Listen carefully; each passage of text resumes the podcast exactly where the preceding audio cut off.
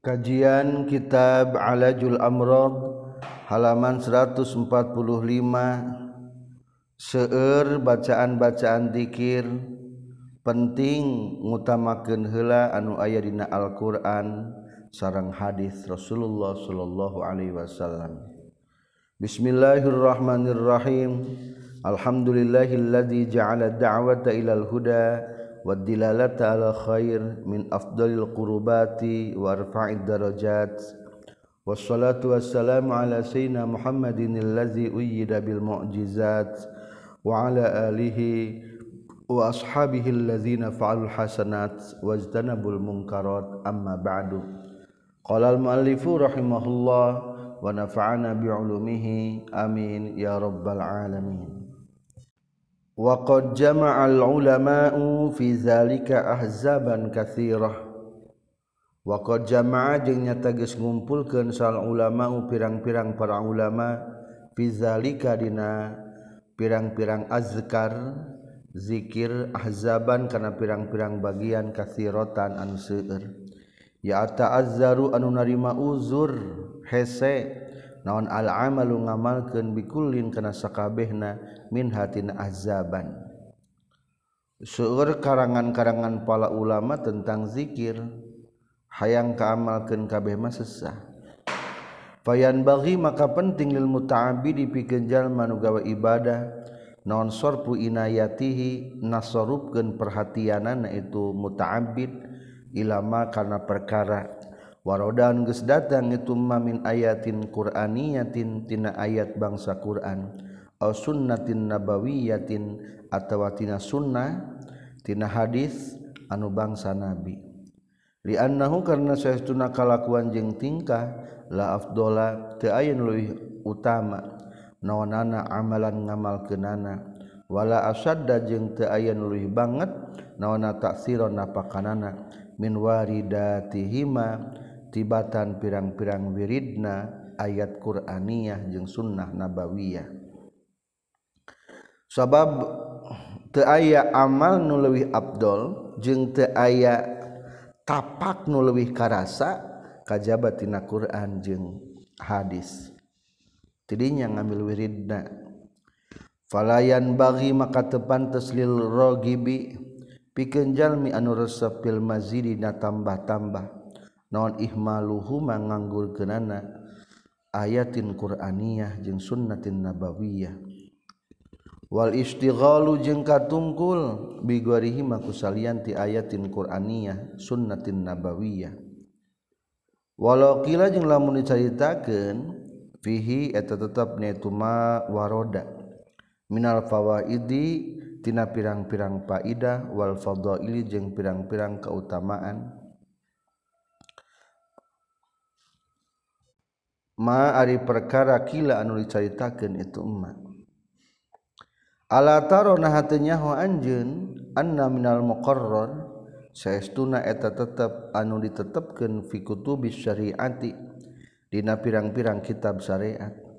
Annaman kana saestuna jalma halafan sumpah itu man la yusniana yakin rek sumpah sanyana itu man alallahi ka Allah ahsana sanai kana pangalusna pujian.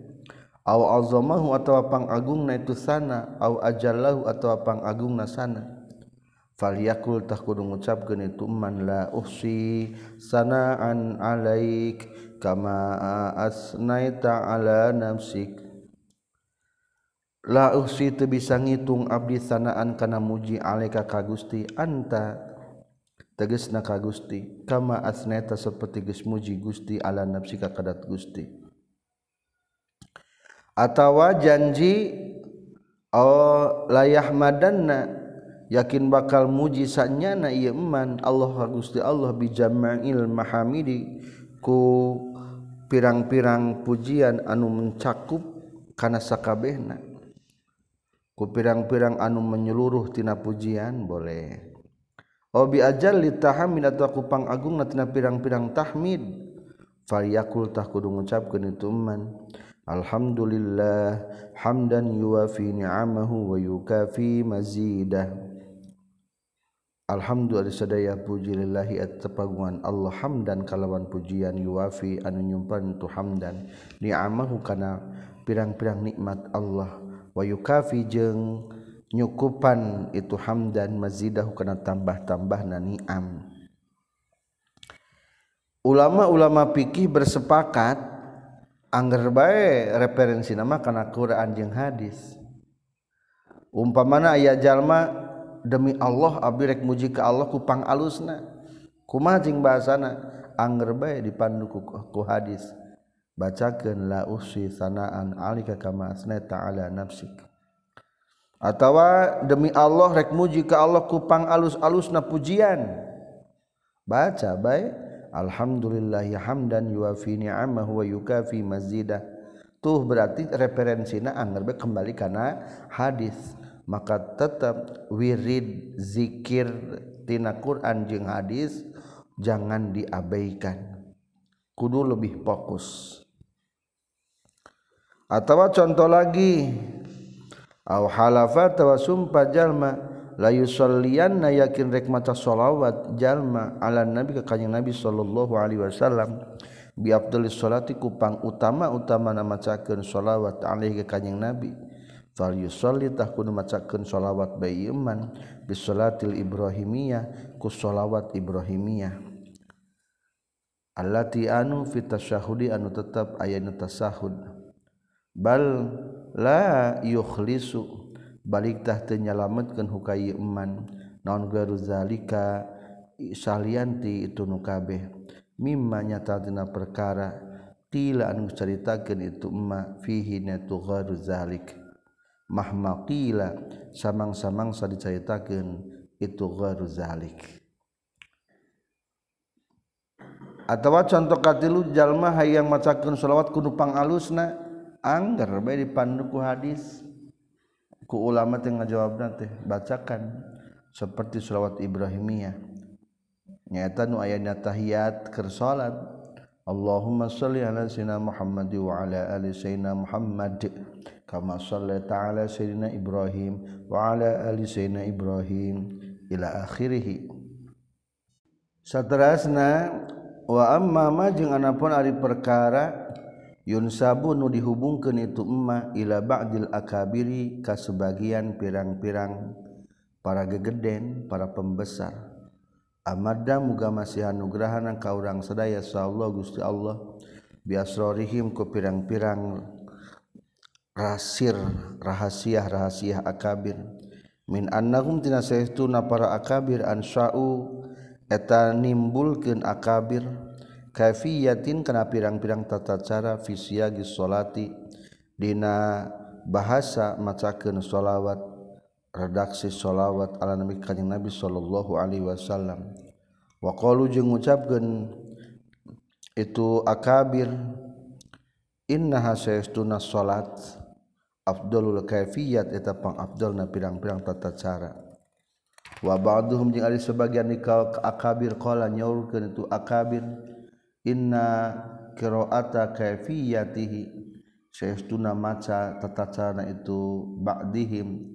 Ta'dilu eta ngabandingan itu qiraata kaifiyatihi qiraata dalail khairat. Kana maca kitab dalail khairat. Kaza kaza marratan. Kana saki saki balikan. Masalan umpamana. Ma'astimali dalail sarta ngurung pirang-pirang dalilna. Ala kasirin kana loba min siagin nabawiyah. Tina pirang-pirang segat tina bangsa kanabian. Fa'ala sihhati nisbati zalika. Maka netepan kana soheh ngahubungkeunana itu itu manusia ilaihim ka para akabir la'allahum buah-buah itu para akabir. Jarru eta narik itu akabir. Ala qaulin kana uca kana qaul dhaifin anu lemah. Fi hifdi dina hafalan kaula min patawil imam ibnu hajar al maki al hadisiyah tina pirang-pirang patwa imam ibnu hajar al maki al hadisiyah anu bangsa anyar. Biannal ilhama karena saestuna ilham hujjatun eta hujjah. Ai fi haqqin nafsi tegasna main hak. Jang diri pribadi la fi haqqil ghari lain dina hak jang batur. Iz qad kamala karena nyata gesampurna non adinu agama. Wa tammat jeung gesampurna non as-syarairu u pirang-pirang syariat wala wahya jeung taya wahyu ba'da Rasulillah sabada Rasulullah sallallahu alaihi wasallam. Yatajaddadu anu narima anyar-anyar bihi ku itu wahyu naon sayun hiji perkara minal ahkami tina pirang-pirang. Hikmah.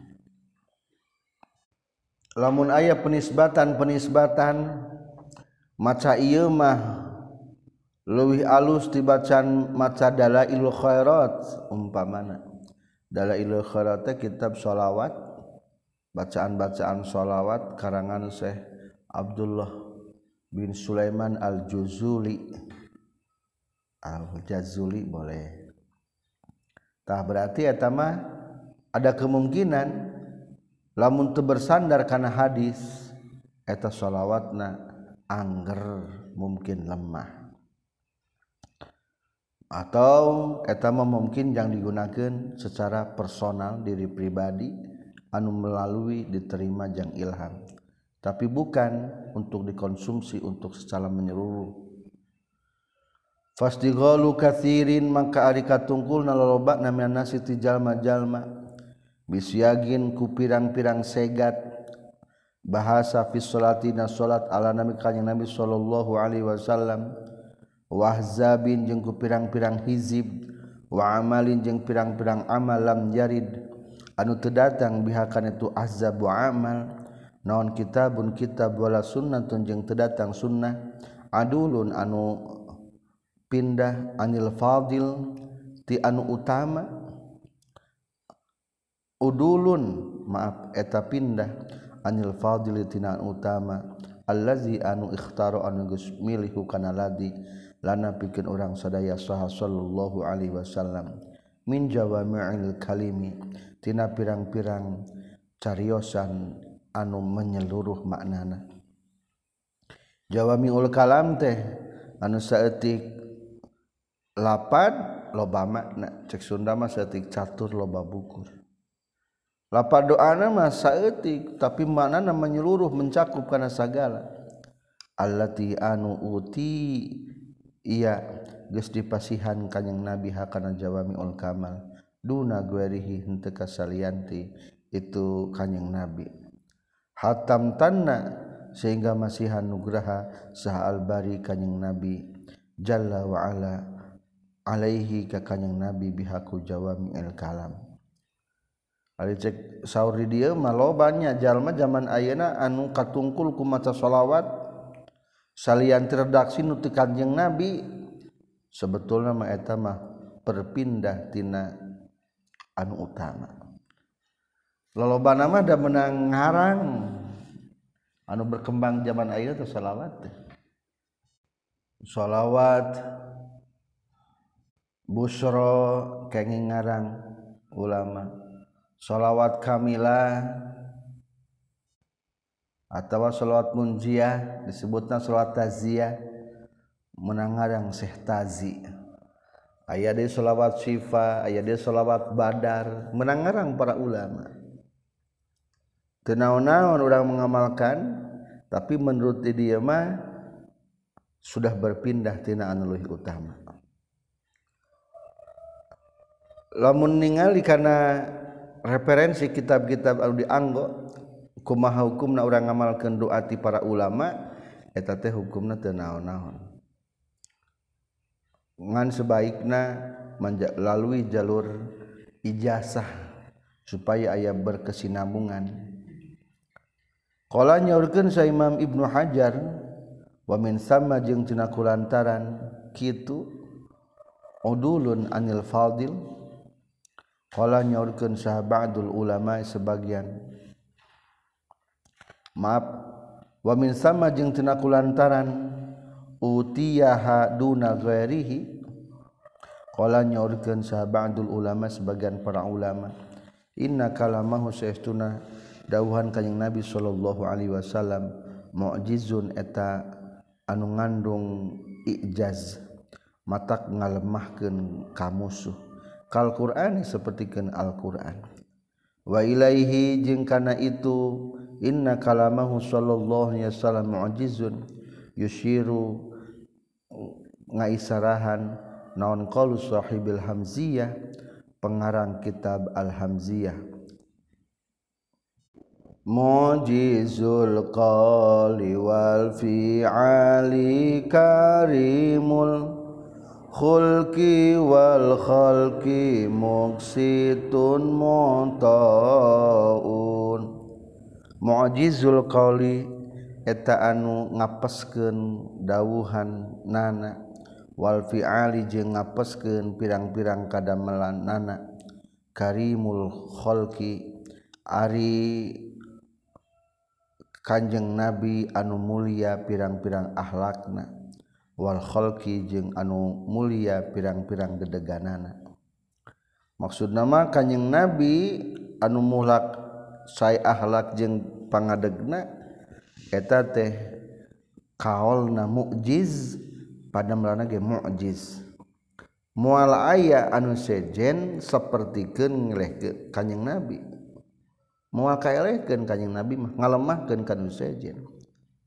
Muksitun muksatu anu di bagian mu'taun anu dipasihan.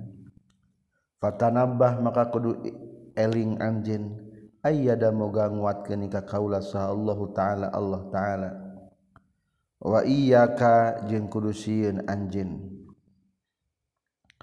Wa tattabi' jeung kudu nuturkeun anjeun fi dalika dina salat dina salawat yakni.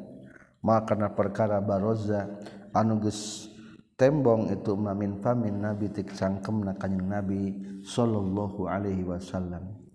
Kama baroza seperti geus tembong itu ma'an wahyin tina wahyu yuhan diwahyukeun itu wahyu. Alama geus ngawurukan hu ka nabi saha syadidul quwa malaikat Jibril anu banget kuatanana mana nyimpan itu wahyu minal fadhaili tina pirang-pirang keutamaan wal asori jeung pirang-pirang rahasia.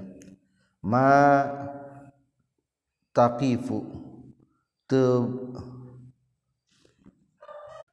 mataqifun teu bisa cicing dunahu.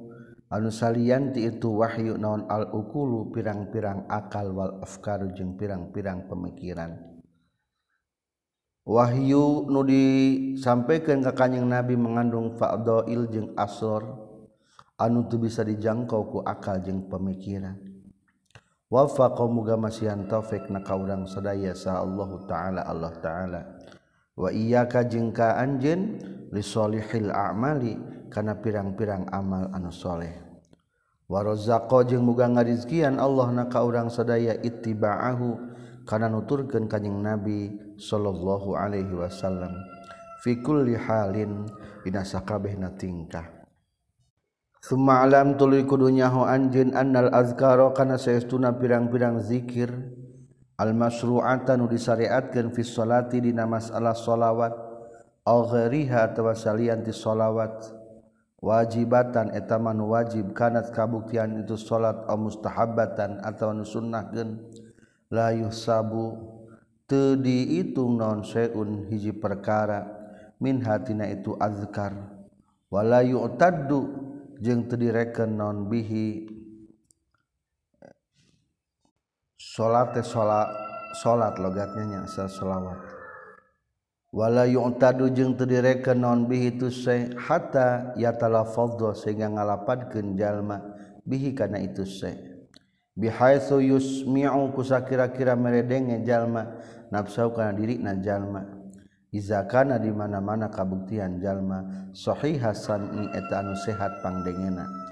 Wala ariho jeung teu aya anyar datang maksudna eueuh nu ngaganggu lahuka itu jalma. Ingat dikir-dikir anu geus syariat keuna salat jeung lainna eh, baik anu wajib atau anu sunnah angger singka kuping sepertikan bacaan tahiyat awal singka kuping bacaan tahiyat akhir singka kuping. Nu awal mah wajib sunnah nu akhir mah wajibnya dina hartos teu dianggap ngalaksanakeun lamun teka kuping qala nyaurkeun sa Syekh Ibnu Atha fi kitabihi na kitabna Syekh Ibnu Atha Miftahul Falah. Az-zikru ari zikir huwa eta itu zikir. At-takhlisu eta nyalametkeun mil ghaflati tina ghaflah wanisiani jeung poho. Bidawami huduril qalbi kulanggeng na hadir hati ma'al haqqi sartana Allah. Wakila jeung dicaritakeun deui ari zikir teh tardidu ismil madzkur ngabulak-balik jenengan anu dipikaelingna nu dikiranana bil qalbi ngabulak-balik ku hate wal lisan jeung kulisan.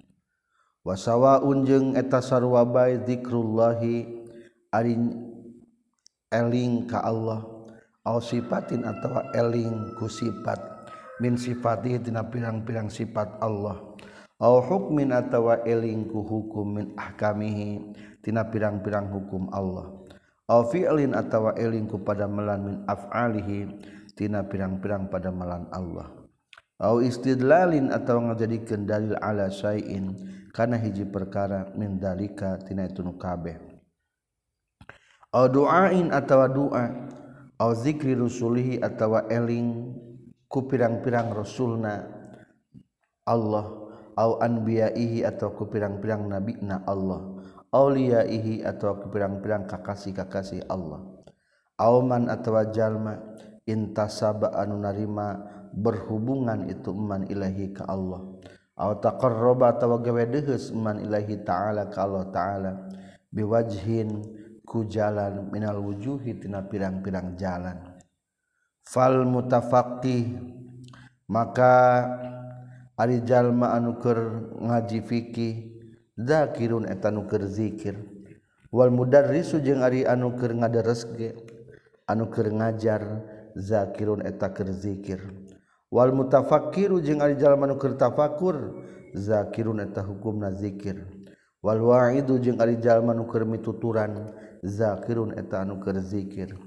Wal mutamassilu jeung ari jalma nu turut patuh makana perkara amaron Gus marentah sallallahu Gusti Allah bi kana ieu emma zakirun eta anu keur eling.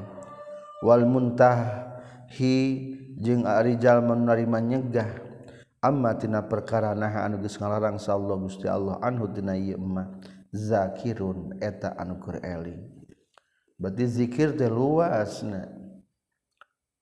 Urang ngaji ti tadi urang abdi ngajar ti tadi kakolomkeun zikir.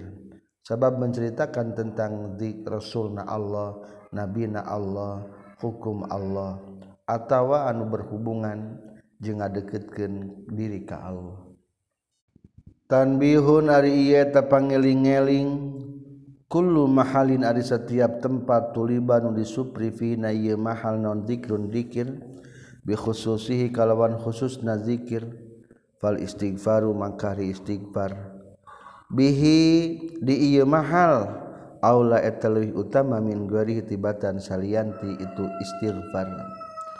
walau min Quranin jeung senajantin Alquran. Au maksurin atawatina doa anu maksur akhoro anu sejena.